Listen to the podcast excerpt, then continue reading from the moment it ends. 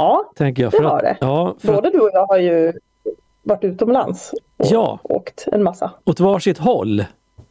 Du får västerut och jag får österut. Du, du åkte lite längre än vad jag gjorde. Jag Ja, åkte ganska kort. Jag åkte bara till Norge. ja, precis. Men du gjorde en riktig klassiker kan man ju säga. En sån motorcykelklassiker. Ja, alltså Lofoten känns väl som en sån där. Alla rådde mig ju till att säga, det är dit du ska åka. Jag försökte åka till Finland men alla sa att nej, det ska du inte göra. Nej, Hur var Så Lofoten vände då? jag kappan efter vinden. Ja. Jo men det var, det var berget. Det var en riktigt bra resa eh, av många anledningar. Jag åkte ganska tidigt. Eh, jag och min kära sambo Erik åkte, jag tror att det var veckan innan midsommar så det var ju lite så här, inte hög säsong. Och det var inte så jättevarmt heller. Eh, och det var ganska så här molnigt och det var lite så här, det var inte regn men det var regn i luften. Och så tänkte man att eh, fan, kan inte solen komma fram så man får se bergstopparna? Tänkte jag. Och sen kom solen fram en dag så tänkte jag kan det inte komma moln nu så jag inte är en blöt pöl som åker runt här på två hjul. så att eh, det var nog ganska bra att det var molnigt och ruggigt ändå insåg jag i efterhand. Ja. Hur bodde ni då? Var det tält eller? Tält! Ja, det är bra. Det var tält. Ja, Fri men- camping största delen av tiden. Och det funkar bra? Eh, ja, det funkar jättebra. Det var, vi sov på hotell en natt och det var, det var när det var så här. Det hade regnat lite grann och klockan var typ sju på kvällen och vi hade inte ens börjat leta efter någonstans att sova. Så då var det så här, nej, nu, nu är det bra. Så dök det upp ett, ett hus med en hotellskylt på, då, då är det lockande. Ja, vi hade inte kommit så långt då faktiskt. Vi var bara i Narvik. Så då, vi åkte ganska så korta etapper hela tiden. Mm. Men eh, vi, vi sov i tält resten av tiden. Men bara en natt också på en sån här liksom etablerad camping där det fanns liksom toa och sådär. Annars var det liksom ute i på någon liten gräsplätt på lämpliga ställen. Så det var, det var mysigt. Ja, så du, är det någonting du kommer att göra om? Ja, men jag hoppas det. Eh, och det känns faktiskt som att man gärna kan åka till just Lofoten igen faktiskt. För att var, vi åkte ju liksom hela vägen ut ända till Å. Alltså allra, allra längst ut på liksom den lilla svansen där. Men man hann ju inte se allting för det. Vi var bara borta i tio dagar och det räckte liksom inte. Men vi såg ju jättemycket men ändå ingenting. Så att där kan man ju åka på äventyr. Så att nu hör, du också, nu hör du också till de där som säger "Ja, du måste åka till Lofoten. Lofoten, det är stället. Liksom. Ja, exakt. Men om man ska skicka med något råd så är det väl faktiskt att åka när det inte är högsäsong. För att vi åkte ju som sagt ganska tidigt. Men det var ju ändå jättemycket eh, alltså husbilar och så. Mm. Eh, och vägarna är ju så krokiga. Så det, var, eh, det är nog inte så kul att möta ett pärlband av husbilar på de där vägarna. Det var rätt skönt att vara ett, ett litet ekipage som åkte som liksom kunde. Det var inte så att det var liksom backspeglarna slog i varandra i alla fall. Det var ju trevligt att slippa, slippa Ja. den lilla Ja, men visst. i alla fall. Själv så åkte jag ju då som sagt österut och där jag och mina kompisar Nisse och Olle åkte, där var det inte så jättemycket trafik överhuvudtaget. Vi var till Mm. Estland och Lettland. Och det var ju då lite tidigare än, än när du får iväg, så det här var ju redan i slutet på maj som vi åkte. En fantastiskt fin resa var det och en perfekt årstid att åka i de där länderna på, tänker jag. Eh, Det var Men var det liksom samma resa som åkte ni liksom genom båda länderna eller åkte ni liksom två separata? Nej, det, var, det var samma resa. Vi åkte dit, så vi började med Estland. Och sen så hemvägen, då var det Lettland för att ta oss hem sen eh, till Nynäshamn. Mm. Så att det är ganska korta avstånd i den där delen av världen. Så att vi gjorde ju inte heller så jättelånga dagsetapper, så det var en ganska skön resa, tre gubbar på resa liksom. Korta dagsetapper. Vi kostar på oss ibland att ligga i någon sån här dikesren eller på någon eh, gräsplätt och ligga på rygg och tugga på ett grässtrå och titta på moln. Så här, det var jätte, jättetrevligt. Och sen en sån här... Det är, Ja, det är liksom underskattat, ska sägas, att bara lägga sig i gräset och inte göra någonting. Ja men det är ju det, för oftast, i alla fall jag har ju varit sån på mina olika såna här turnéer att det ska åkas, det ska köras hela tiden. liksom. Eh, Mm. Men det här blev ju, i och med att det är ganska korta avstånd, så det var ingen poäng med att ligga och blåköra utan eh, dagsetapperna, det var ju en del dagar, vi kom väl upp i 20 mil kanske vissa dagar, på hela dagen. Mm. Så, men, det var, men det var fantastiskt trevligt och det och väldigt fina vägar måste jag säga. Eh, och eftersom vi då käkar ganska ofta på bensinmackar och fikar på mackar så kan jag också säga att det, det är bra standard på, på mackarna när det kommer till fika och mat och så. Men så hade vi också med oss stormkök så att eh, eh, Olle han var ju gourmetkock så vi riggade upp det stormköket på någon soptunna någonstans och pulvermos och egenskjutna djur hade han med sig. Han är jägare. En egenskjutna ändå. Ja, Vi hade ju pulvermos också, men burkskinka. okej, ja men det funkar. Det funkar. Ja, det var gott det också. Ja. Men sen en riktig sån Inte lika lyxigt. Nej, nej. Men jag, jag, tittade, jag tittade på några bilder förut och då fick jag se en bild på mitt visir. Alltså en av de riktigt stora skillnaderna på att åka där och att åka här samma årstid är att när vi åkte hem, kom över sen till, till Nynäshamn på hemvägen och så åkte vi då från Nynäshamn och så hem. Alltså 20-25 mil någon, någonting. Inte nästan, ett, en, inte nästan en enda insekt på visiret. Där i Estland och, och Lettland så otroligt mycket insekter för att de har en annan typ av jordbruk där. var våran killgissning.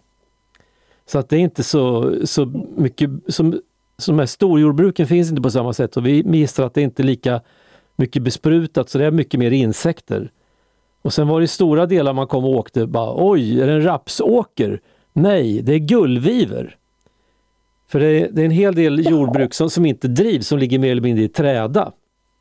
Sånt här som lämnades tillbaka efter Sovjetunionens fall då när Estland blev självständigt. Och det är ingen som brukar de där markerna utan det var stora gärden bara med gullviver. Gullviver och, och maskrosor. Ändå. Ja, men det var lite fascinerande tycker jag. Och sen hittar vi så mycket, det finns så mycket galna grejer i de där länderna. Så vi letar efter en gammal sovjetisk konstgödselfabrik. Agrovita ska den heta, hade vi fått för oss. Och det finns jättemycket sådana gamla fabriker som är igenslagna sedan 20 år. Som står, så att gillar man Gillar man gamla fabriksområden som är så här brutalraserade eller bara övergivna, då, då är det där rätt del av världen. Gillar man konstiga museer, sådana här krigsmuseer, då är det också rätt del av världen för att det fanns mycket lämningar från andra världskriget och eh, skrotade tankdelar och allt möjligt sånt där att, titta på.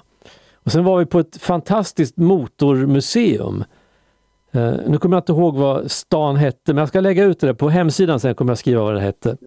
Eh, och det var ett motormuseum där framförallt så var det ju bilar av märkena Volga och Lada som var ombyggda så att de skulle likna typ Porsche och sånt där. De hade inte så mycket resurser under Sovjettiden så att då fick de ta det de hade. Eh, och det, det var jätteroligt att gå på det där museet och kolla helt galna grejer. Om, hem, hembyggen liksom. Och sen var vi på en, en också en märklig kyrkogård som Olle hade hittat innan vi åkte iväg. Så det där måste vi se. Det var en, en gammal kyrkogård också, den från Sovjettiden. Och där var det gravstenar, det var olika flygplansdelar, delar av någon vinge liksom. Och det var ju piloter som hade störtat under i fredstid då, under Sovjettiden. Som låg begravna där och så hade de väl fått en bit av vingen liksom som gravsten. Det var också lite sådär fascinerande. Mm. Så att nej men jag rekommenderar eh, eh baltländerna. Nisse och jag har ju åkt genom Baltikum för några år sedan. Uppifrån och ner, Estland, Lettland, Litauen. Men det här var ju Estland och Lettland och bara. Och jag är ganska säker på att jag kommer åka tillbaka dit igen. För det var, jag fattar inte att inte fler människor från, från den här delen av världen åker dit. För det, det är ju ändå, vi har ju en rätt mycket sån här gemensam gammal historia med Estland till exempel. Så att, eh, så här, men det, jag tyckte det var jätte, jättefint på alla sätt. Och sen är ju människor, det är inte så insmickrande, de är lite så här buttra.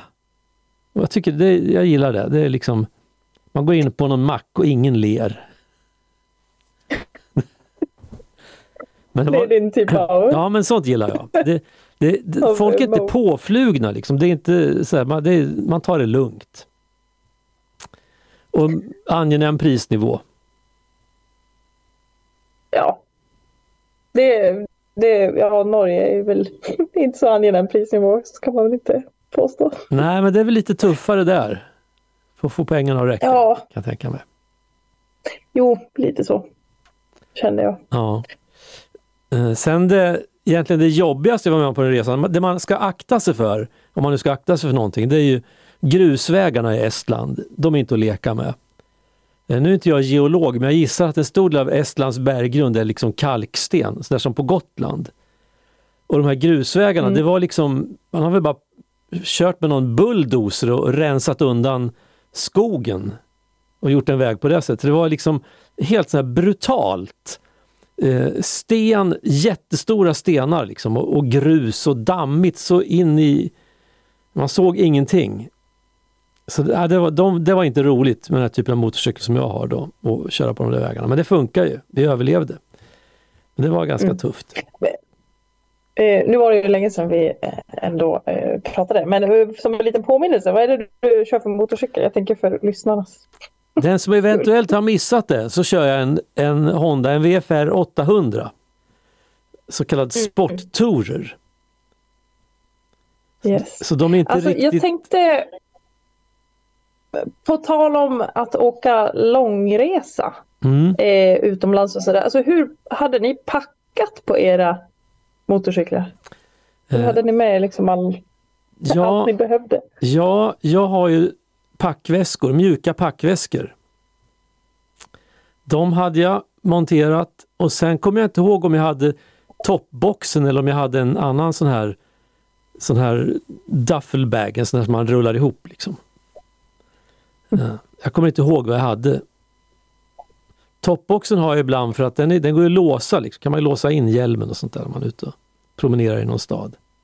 Jag kanske hade toppboxen mm. och två packväskor. Sen bodde vi på hotell så vi hade ju inte så mycket campinggrejer mer än då Olles stormkök. Mm. Så det, det, det, krävdes inte jättemycket packning egentligen. Nej, vi hade ju lite mer spartanskt. var, jag hade ju inga packväskor på min för att vi hade inte liksom monterat dem. Utan det var campingryggsäck eh, och spännband deluxe. okay. Så att, eh, och lite så här, de första dagarna tog det ganska lång tid att liksom spänna fast allting men mot slutet av den där resan då gick det jävligt fort och bara så hade jag monterat på så, här, så att jag hade någon så här du vet det finns ju som reflexselar typ mm, nu mm. för tiden.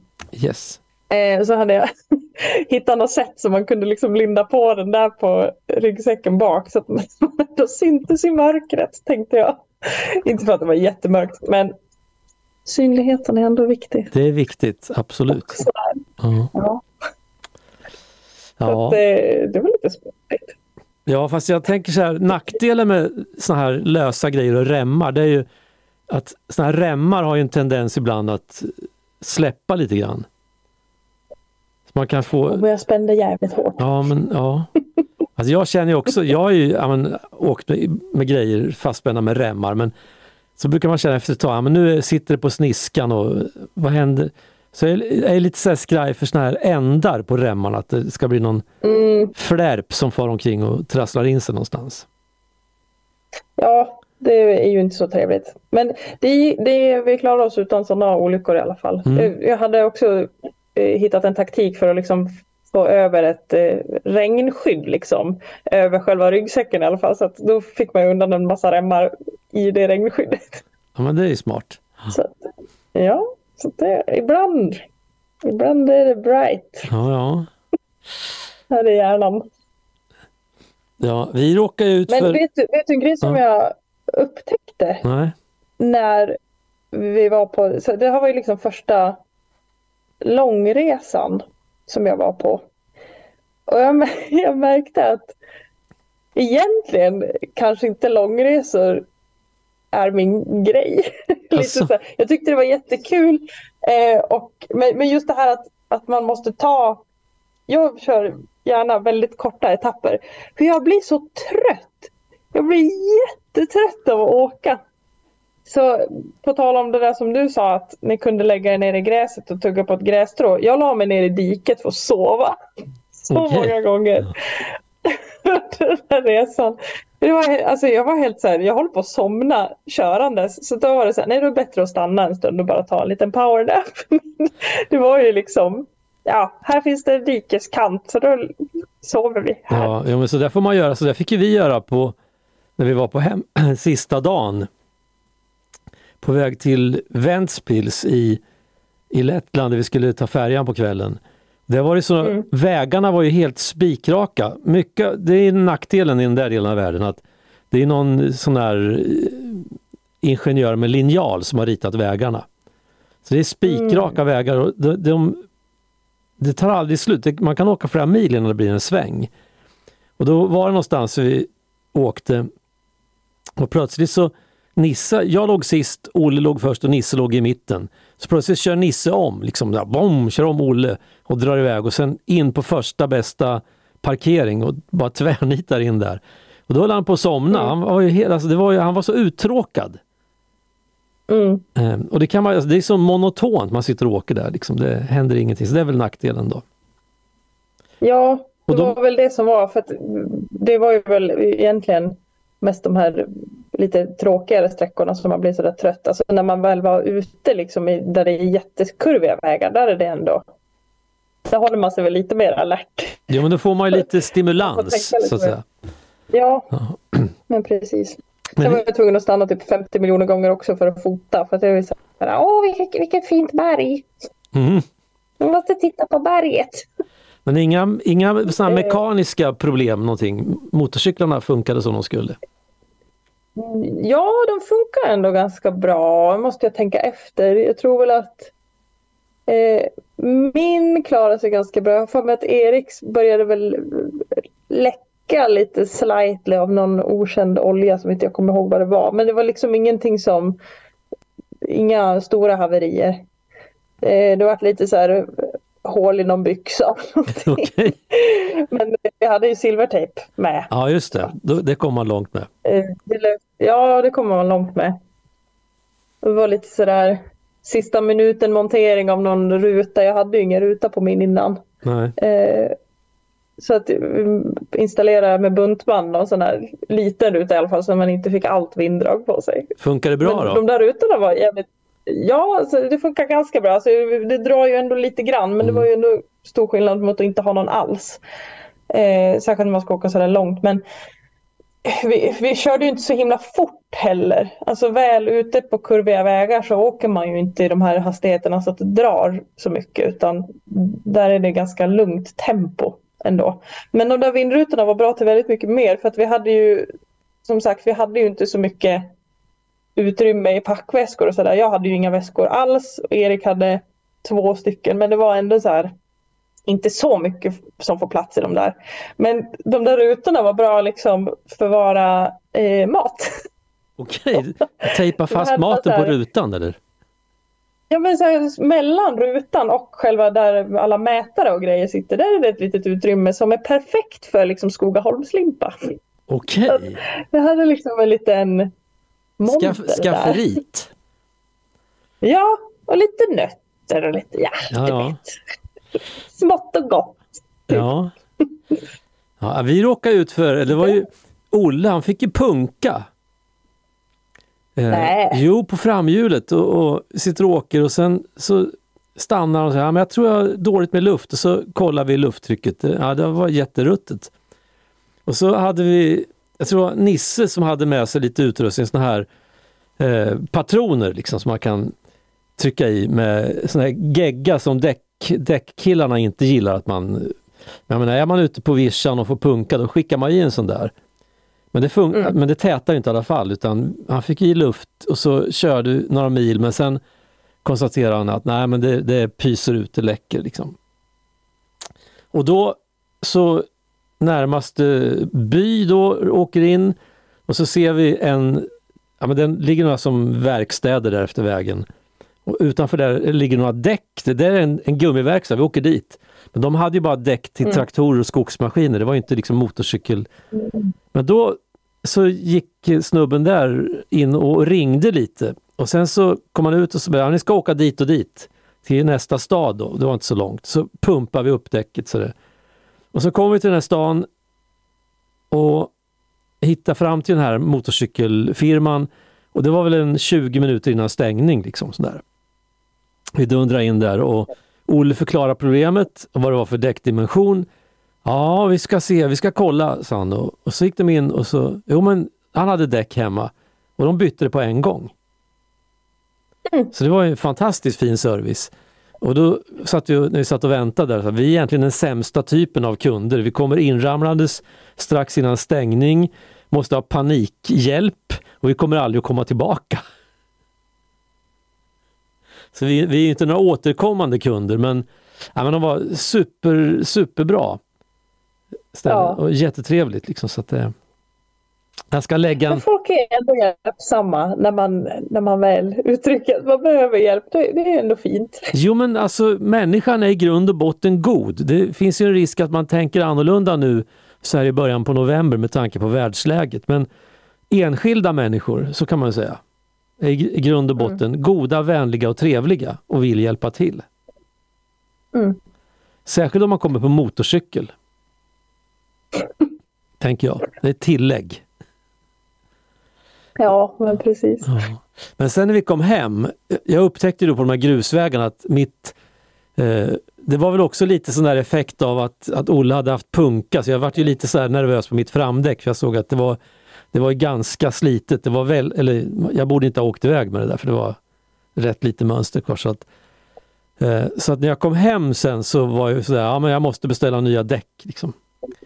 Och då upptäckte jag ju dessutom att jag har haft tidigare ett läckage på en packbox på framgaffel men det där har jag fixat med hjälp av ett litet händigt verktyg. Jag fick ett tips om man kan göra av en petflaska så kan man liksom dra runt och få bort eventuellt skräp. Men jag tror de där hemska grusvägarna gjorde väl att det pajade helt och hållet så att det liksom rann ju olja efter ena gaffelbenet där så det var inget bra. Oh ja. Och då så var det läge att nu när jag då skulle ha nya däck, då var jag ändå tvungen att skruva bort hjulen. Då fixade jag det där. Eh, så att det var ju bara att, att googla och så youtuba lite, hur gör man? Och det är, det är inte, jätte, inte, liksom, det är inte rymdforskning att byta packboxar i framgaffeln. Så jag kollade vad man skulle göra och så gjorde jag det. Och sen så var jag iväg med hjulen och fick på nya däck och sen när jag kommer hem och ska montera framhjulet, då märker jag att, att ett av lagren i, i ett av framhjulslagren är glappt. Och det där mm. är ju inget bra heller. Jag hade inte märkt det när jag körde, för att det var, men de där är bytta för ett par år sedan bara, men den som bytte det där slarvade nog med antingen det, ska på, det är lite såna packningar och grejer. Sen ska man fetta in ordentligt. Jag tror det var lite slarv med infettningen, för det fanns, det fanns inget fett där. Så då kommer det in fukt och, och så. Och då hade ett av de där lagren gått åt pipsvängen. Så det var bara att beställa mm. nya lager och sen så fick man ju googla igen och youtuba lite hur byter man eh, lager i framhjulet då. Så det gjorde jag. Och det, var, det gick jättebra. Och sen skruva ihop allting och se ut på provtur. Nya däck, eh, packboxar fixade och nya lager i framhjulet. Men det gick ju som på räls motorcykeln. Problemet var ju bara att när jag hade fyllt upp med olja ordentligt och med den inställningen som var förut på framgaffeln, då fanns ju ingen fjädring. Det var ju stenhårt. Så att eh, jag var ju tvungen att, att fixa det efter lite kolla instruktionsboken, vad, vad, ska det vara för grundinställning och så får man ju googla lite igen då hur, hur mycket, ska, hur mycket sagg ska, hur mycket ska motorcykeln liksom hänga ner när den är Mm. obelastad och så. Men efter den där små operationen så blev den ju som ny. Så jag är supernöjd. Så det är väl också ett sånt här tips, var inte rädd för att meka lite. Ja, gud vad du har fixat. Ja, alltså man känner man Ja. sig, alltså man, jag känner mig, jag menar jag har ändå kört motorcykel i eh, över 20 år men, och mekat en hel del men det här var nog största sån där, den där typen av, av fix jag har gjort. Mm. Och jag känner mig jättenöjd Ja. för att det blev så himla bra. bra, Det, blev så otroligt bra. ja, men kul när man ändå märker lite skillnad. Ja, På att, får man ju lite handfast bekräftelse på att eh, man har gjort någonting rätt. ja eller hur? Så att eh, nu, eh, så att nu vet jag hur man gör. Så att om någon frågar hur gör man om man byter packboxar? Då kan jag berätta hur man gör. Mm. Och jag vet också hur man byter lager i framhjulet. Herregud, ja, det är väldigt mycket mer än vad jag kan. I alla fall. Ja, men en vacker dag så har du också, Ja. kan du också säga att nu har du gjort det. Ja, precis. Då ringer jag dig först då. Det kan du göra. Då kan du berätta. kan berätta om det viktigaste när du ska sätta i de nya lagren, att du lägger dem i frysen innan. För det är sån... Va? Jo men om du lägger dem i frysen innan du monterar dem, då krymper de ju lite. För det är sån otroligt tajt Ah. passform. Och så kör du lite sån här värmepistol eller hårtork på, på, på hjulet. Liksom. Men du, vilket, eh, vilket lifehack. Mm, det är sånt man lär sig på tuben, Ja, på Youtube. Youtube. Vad gjorde man innan Google liksom? Ja, det undrar jag också. Läste i en bok? Va? Man gick till biblioteket och lånade en bok. Det är det sjukaste jag har hört. Ja, så gick det till när farfar var ung. Ja, precis. Ja, Eh, men eh, bra, bra jobbat. tack. Men jag har inte ställt undan motorcykeln än för vintern. Kan säga. Den står inkörd, sådär, liksom bara parkerad lite på sniskan, lite nonchalant i garaget. För att Nisse och jag hade ett litet samtal för förra veckan om att försöka klämma in en dag, ta den där sista turen, det vill säga åka till närmsta mack och fylla tanken och sen köra in i garaget och parkera för vintern. Men det har inte blivit av än. Vi tror väl att det ska bli några milda dagar. Så vi kan Mm. göra den där sista. Men, men ni, är, ni är snöfria fortfarande? Det har varit snö, men den har försvunnit. I morse var det ju sån Mm. här, tidningen Närkes Allehanda benämnde det som superhalka. Ah. Det är Så- mindre bra att köra motorcykel på Ja. superhalka. Precis, så att det var ju så att kommunen hade eh, dirigerat ut gubbar i, i såna här varselkläder till Storbron i centrala Örebro. Där de stod och varnade cyklister för superhalkan. Hade det inte varit bättre att kört dit med en saltmaskin, sopsaltare, tänker jag då.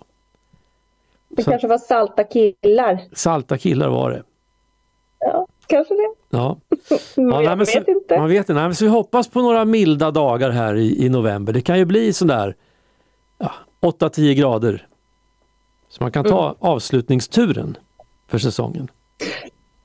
Ja, jag har ju då ställt undan min då, så jag har ju haft min avslutningstur redan. Här uppe i Piteå är det lite mer snög och kallt och jävligt just nu. Eh, Så att jag har, men nu har jag ju köpt ett eh, motorcykelkapell så att nu är den förhoppningsvis inte lika dammig till våren när jag väl ska plocka fram den igen. Så jag har dragit över den. Står den där och tittar på mig Ja, varje gång jag ska hämta bilen. Så ser jag min, min eh, gömda, min gömda kärlek. ja. ja men det där är ju en liten känsla under vintern. Man går där och trånar. Ja, det, det kändes lite vemodigt faktiskt att ställa undan den liksom officiellt. Men eh, det kändes ändå när, när man hade tagit sista turen att det här, det här var nog sista turen. Mm.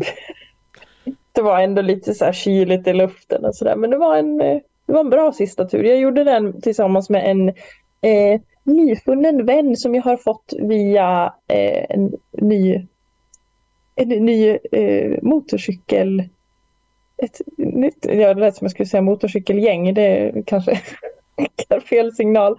Men en Facebookgrupp för tjejer som kör motorcykel.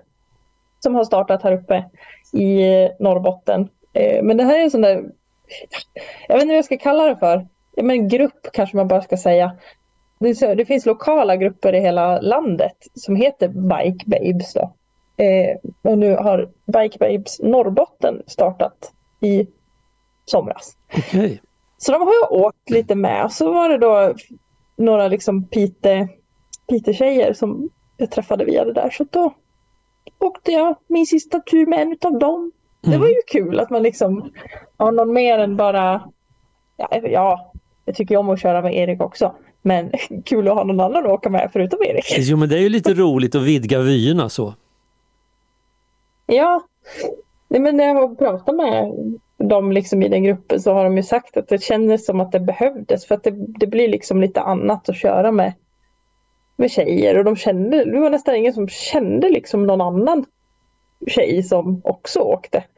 De, de finns men de har liksom inte hittat varandra innan det här så det var ju roligt att liksom sammanstråla lite. Ja, så kan jag tänka mig att eh, jag menar, i så här vi gubbar eller killar, det kan ju ibland bli, bli lite så macho.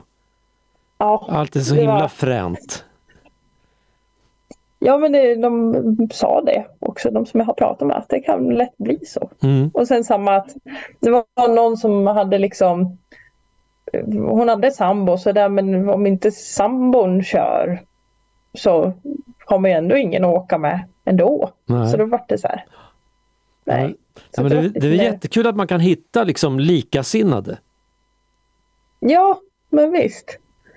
Så det, det var trevligt att det här kunde starta. Det verkar vara ganska poppis för den gruppen växer ganska fort också. Så mm. det, vi finns där ute. Ja, kommer ni ha såna här vinterjippon för att ni träffas någonstans och käkar ihop eller? Eller är det eh, strictly motorcykelåkning som gäller? Det är säkert eh, fritt fram att dra ihop något sånt. Ja. Men det, jag vet inte om det är liksom, jag tror inte det är någonting liksom officiellt att liksom Nej. administratörerna drar ihop någonting utan det är att kasta ut frågan själv kanske. Mm. Men själv ser jag lite fram emot det är lite vad, vad sa du? Jo, själv, själv ser jag lite fram emot Nisses årliga vinterevent brukar infalla någon gång i slutet Aha. på november, början på december innan julstressen slår till. Då samlas vi ett gäng mm. eh, konstiga gubbar. Våra fruar tycker att vi är konstiga med tanke på vad vi tänker göra då.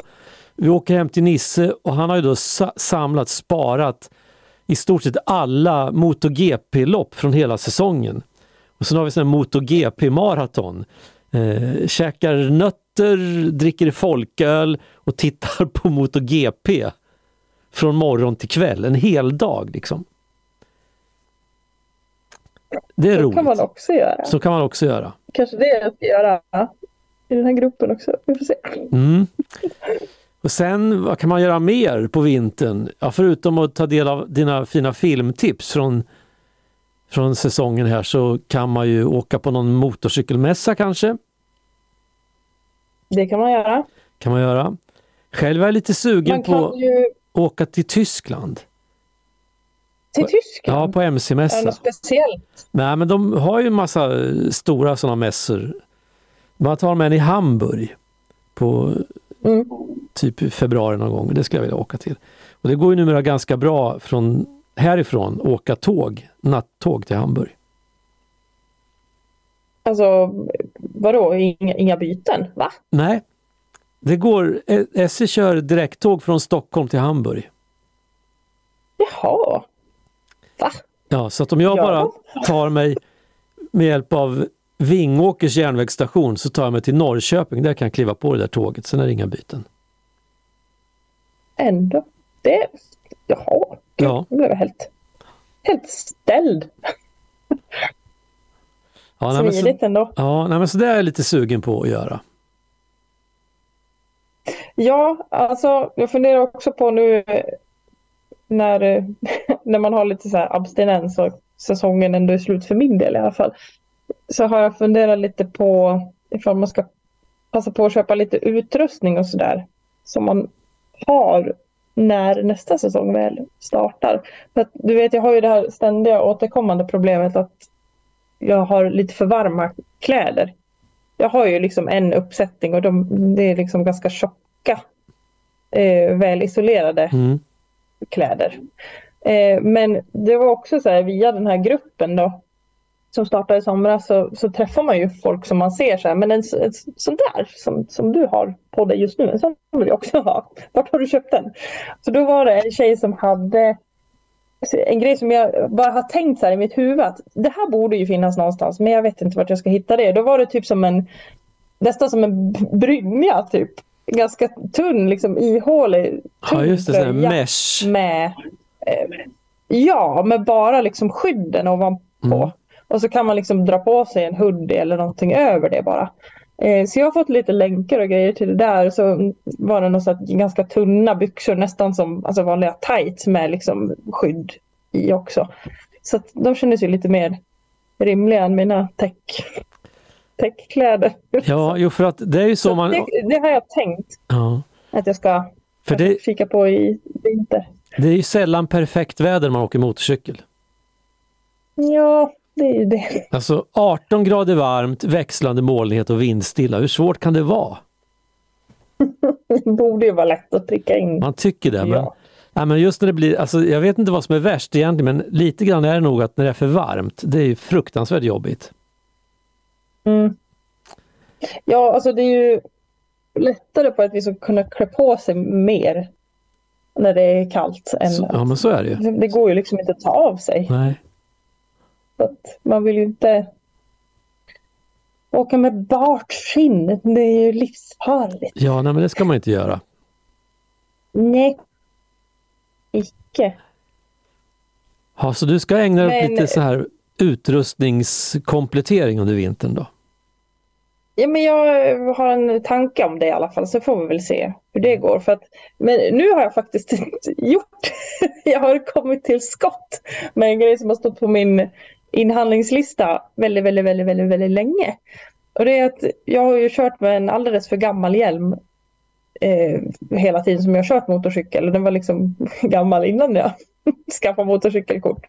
Eh, men jag har köpt en ny hjälm Okej. Mm. Och den, och den är så cool.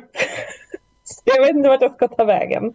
Den är, jag vet att det inte är kanske så den bästa färgen av trafiksäkerhetsskäl, men den är mattsvart.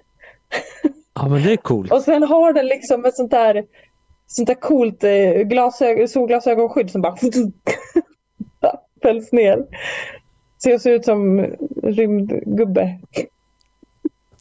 Och så ser den, är, den ser jättesnabb ut. För den är liksom inte så här rund hela vägen utan den har lite så här lite så här fart, fartränder var jag på väg att säga men det heter det inte. Den ser väldigt Den har lite, aerodynamisk den har lite här aerodynamiska hjälpmedel. Ja, exakt. Den är väldigt, väldigt, väldigt fin. Ja. jag. Alltså det där är ju, jag har ju, jag har ju en hjälm som jag tycker är ascool. Och det är den, den är skitfrän och den är snygg och den är bra, den sitter som en smäck. Problemet med den är att den egentligen så var det nog, det här är nog sista året om man ska gå på datumstämpeln, bäst för man ska inte köra med dem för länge som sagt. Eh, Men grejen är att jag har inte, Nej. jag inte hittat något annat lika fränt. Vad jobbigt. Ja men det är jättejobbigt. Jag har hittat något som är nästan lika fränt. Eh, Men då kostar de liksom 7 500. Ja men vad är din Mm. skalle värd då? Jo, jag fattar att det är värt men det är ändå 7 500 som ska snytas fram ur näsan. Så att, Jo. då tänker jag, ja, men jag kör ett år till, den är så frän. Jag kan låtsas att jag inte har sett den där datumstämpeln. Ja, precis. Du får, du får väl eh, köpa en blank och så får du måla den själv. Hallå? Ja, Det är jo, bara men jag tror inte det blir dina konstnärsskills. Ja, jag, jag tror inte det blir lika fränt faktiskt. Nej, men det är viktigt det där med, med hjälmen. Att det, dels att den, att den sitter bra på skallen men också att, man känner sig lite cool i den. Ja, alltså. Ja, men faktiskt. Att man, det ska ju kännas bra. Ja. Av mer än ett skäl. Och sen tycker jag på... på... Det behöver den kanske inte vara cool. Men, ah, men, jo, men det alltså, gör inget om den är Man ska cool. ju inte skämmas. Nej. Nej, men sen gillar jag det där. Alltså, många hjälmar nu, nästan alla, av lite kvalitetsmärken, de, där kan man plocka ur inredningen liksom och, och tvätta den. Mm. Eh, och det ska man väl göra så att den hålls fräsch. Men alltså jag, på något sätt, jag gillar ju känslan där på, på våren. Ut i garaget, eh, leta rätt på motorcykeln under spindelnätet och så hjälmen fram och så när man drar på den på skallen så luktar det gammal det är avgaser och gamla, gammal asfalt liksom som dyker upp där. I, jag trodde du skulle säga svett. ja, men det kanske är det också. Men då, då känner man så här, mm, man får en sån här flashback tillbaks till förra sommaren och alla trevliga resor som har genererat de här avlagring, doftavlagringarna. Ja, det, det är ju fint att du har sådana associationer. Ja. Så, att, men, så egentligen borde man ju då göra, passa på under vintern och göra rent den såklart. Mm. Tvätta den där inredningen så att den hinner torka. Och så är det fräscht igen. Ja men precis. Ja, ja men visst. Eh, ja men det här var sommaren 2023. Ja, det var det. Om man ska... Sommaren 2024 då? Ja, vad händer då? Vad händer då? Jo men det blir ju förhoppningsvis några nya roliga resor. Eh, förutom, ja just det, förutom den där Estlandsresan så var jag ju till Örnsköldsvik och tillbaks. Mm. Och då inser jag att för många människor hade det varit en resa i sig men då var det bara att jag skulle åka, vi skulle åka på min brorsa som bor i Örnsköldsvik så då tog vi motorcykeln. Och då kändes det inte som en, en motorcykelresa liksom, men det var ju det. Mm. Och den var trevlig. Men återigen så slog ju ovädret till. Det var ju sån här det var jättefint väder när vi åkte norrut och när vi var där var det bra väder. När vi skulle åka hem då var det såna här eh, orangea varningar för skyfall och regn och elände. Och precis som ett annat år vi hade varit där uppe så var ju epicentrum, det var ju Gävle såklart. Så då var ju frågan, hur gör vi när vi åker ner, åker söderut nu då? Vilken väg ska vi ta? Vi var ju inregnade i Gävle här om året och knappt att ta oss därifrån. Mm. Eh, så att då, ja, men då körde man ju eh, E4 här va. Kanske världens tråkigaste motorcykelväg söderut. Men sen vi kom till Sundsvall, då gav vi upp. Det, men det går inte att åka på den här vägen längre. Så, det, eh, så då var det bara att sikta, kolla de här väderapparna. Hittar vi några nå ställen vi kan dra till där det inte ska ösregna hela tiden?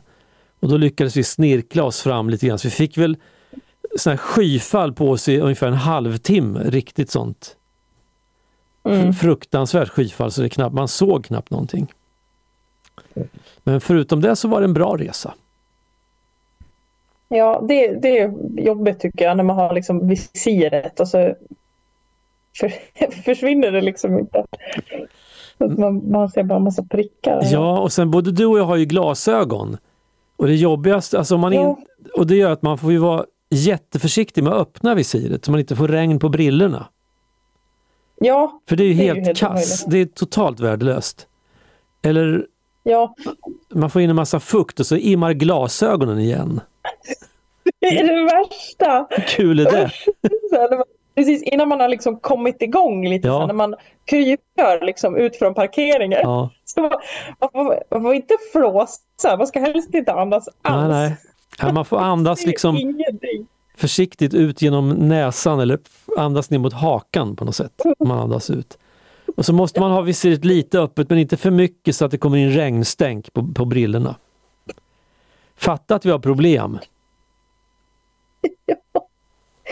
Det är så kul så här, för folk som inte kör motorcykel. De måste ju tänka så här, wow vad coolt. Och så sitter man där i hjälmen och bara ja, inte in med glasögonen. Det är inte så coolt. Nej, det är ju inte det. Som det ser ut utifrån. Nej. Men det är, co det är coolt. Mm, det är coolt. Det är coolt. Ja, gud. Ja, nej men ska vi stänga den här butiken? Ska vi avsluta sommaren 2023? Ja, det kan vi göra. Eh, det, det känns väl ändå rätt lagom. Ja. Jag vet inte, har du, men, eh, men hade du några planer redan nu på liksom nästa? Nej, jag har ingen, ingen tydlig plan så. Eh, Jag har, jo, men jag har ju mitt projekt från i somras som inte blev av. Men jag tycker det är bra att ha sådana här projekt. Mm. Jag skulle vilja åka till Sveriges lägsta punkt och Sveriges högsta körbara punkt. Alltså Mm. det är ju Kristianstad och eh, Flatruet. Vilket bra namn. Ja. ja, men det är Sveriges högst belägna väg. Mm.